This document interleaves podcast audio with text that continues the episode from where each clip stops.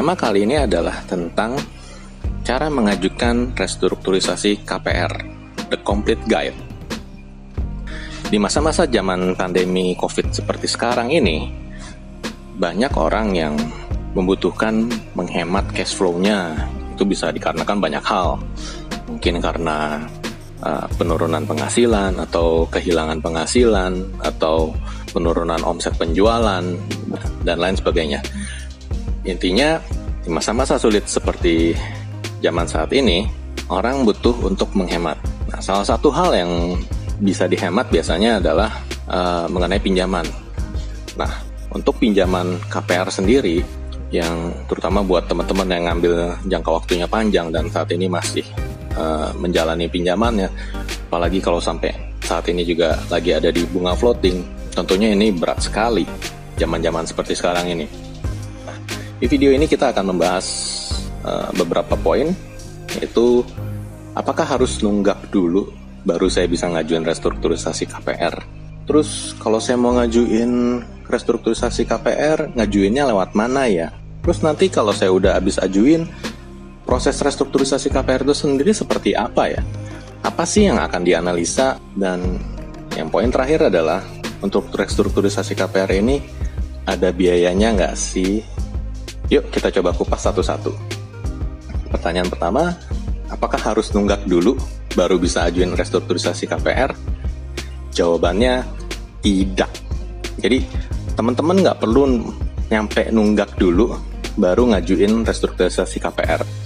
Jadi kalau teman-teman udah ngerasa bahwa wah sekarang income saya kayaknya mengalami penurunan dan saya udah akan berat sekali nih untuk bisa bayar angsuran KPR ke depannya dengan lancar. Gitu teman-teman udah bisa prediksi itu, langsung buru-buru aja ajukan. Gitu. Jadi nggak usah nunggu sampai eh, KPR-nya ada tunggakan dulu. Kenapa? Karena kalau KPR yang sampai ada tunggakan dulu, nanti itu kena denda dulu pasti. Dan denda itu kan ya lumayan lah gitu. Dan selain denda, bisa jadi kolektibilitasnya sudah terkeburu terpengaruh gitu. Nah, jadi jangan tunda-tunda. Jadi kalau memang sudah kebayang, ini saya udah mu akan mulai nggak mampu dan angsuran seperti biasa, cepat-cepat deh ngajuin restrukturisasi KPR. Ngajuinnya lewat mana? Nah, ngajuinnya ini balik lagi tergantung masing-masing bank gitu. Jadi ada beberapa bank yang melakukan pemrosesan KPR-nya secara sentralisasi. Nah, ini umumnya pengajuannya dilakukan bisa dilakukan melalui call centernya maupun melalui tempat cabang kita mengajukan KPR waktu itu.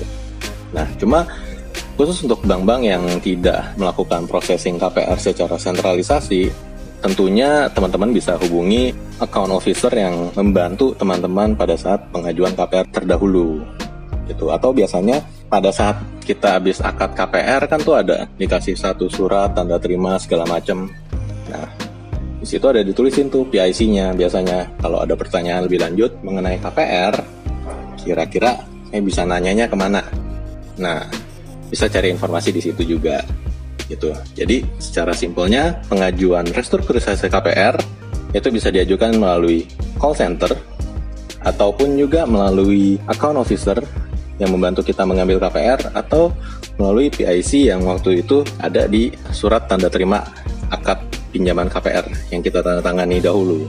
Terus kalau saya udah ngajuin, itu prosesnya kayak gimana ya?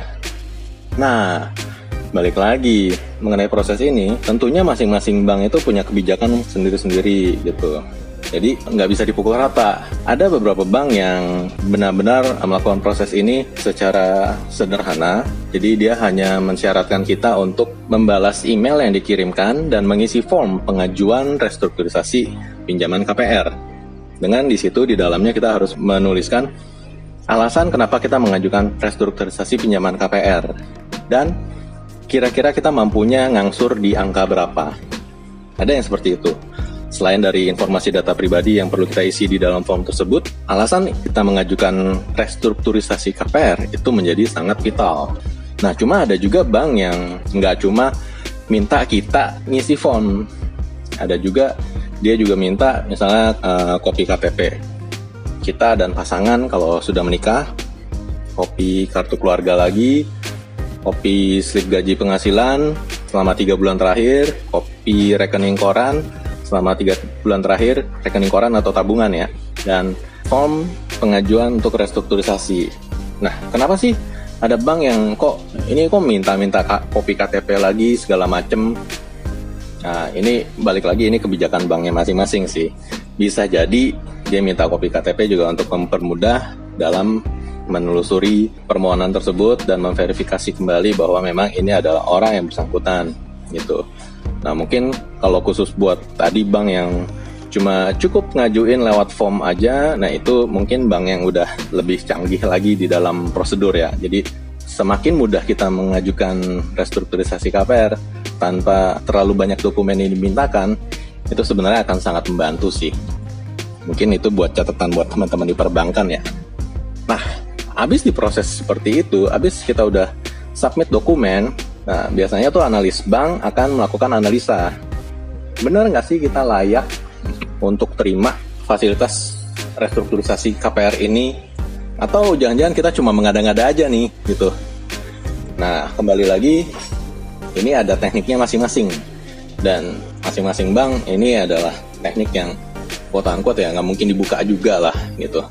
Uh, karena balik lagi kalau ini ada yang memanfaatkan, ada yang mau memanfaatkan momen dan mengajukan restrukturisasi, padahal sebenarnya dia fine fine aja, ya ini cuma akan melelahkan bank aja sih ke depannya gitu. Jadi ada hal-hal yang dijaga supaya tidak ada pihak-pihak yang terlalu memanfaatkan kesempatan ini. Begitu. Selesai dilakukan verifikasi oleh analis, biasanya akan ada approval dan setelah ada approval ini akan berlanjut prosesnya ke penandatanganan adendum perjanjian pinjaman KPR. Jadi akan ada tanda tangan lagi nih. Untuk yang tahapan ini ya teman-teman memang mesti datang lagi sih, entah mampir ke kantor bank atau mampir ke kantor notaris gitu. Jadi nggak bisa jarak jauh ya. Dan kita lanjut ke pertanyaan yang terakhir, yang poin terakhir kita akan bahas yaitu mengenai ada biayanya nggak sih restrukturisasi ini? Ya kalau tadi saya udah cerita soal ini kita akan ada tanda tangan adendum perjanjian pinjaman KPR antara datang ke bank atau datang ke notaris. Ya kalau perjanjian pinjamannya dulu notaril pada saat adendum pun biasanya juga notaril. Nah kalau yang notaril ya biasalah pasti ada biaya selain biaya notaril ada apa lagi nah ini tergantung dari skema restrukturisasi yang disetujui oleh perbankan. Jadi kalau misalnya kamu mengajukan ada perpanjangan jangka waktu juga, ada kemungkinan kamu akan harus membayarkan juga premi asuransi jiwa tambahan ataupun premi asuransi kerugian. Jadi semuanya tergantung pada fasilitas restrukturisasi KPR yang diberikan. Kalau nggak ada nggak ada perubahan jangka waktu, maka biasanya sih biayanya hanya terkait dengan adendum perjanjian pinjaman KPR.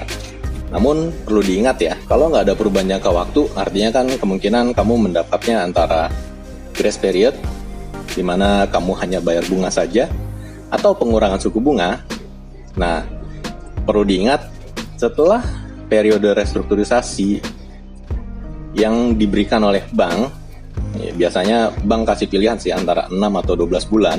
Setelah periode itu berakhir, dan kembali ke angsuran seperti biasa, nah ingat-ingat, kalau yang tadinya udah enak-enakan bayar bunga doang, nanti begitu disuruh bayar pokoknya lagi, itu angsurannya jadi naik loh. Nah sama juga dengan yang mendapat diskon bunga. Bunganya diturunin, akibatnya angsurannya juga turun. Nah, selesai masa 6 bulan atau 12 bulan yang disetujui oleh bank, ya nanti siap-siap aja angsurannya meningkat kembali.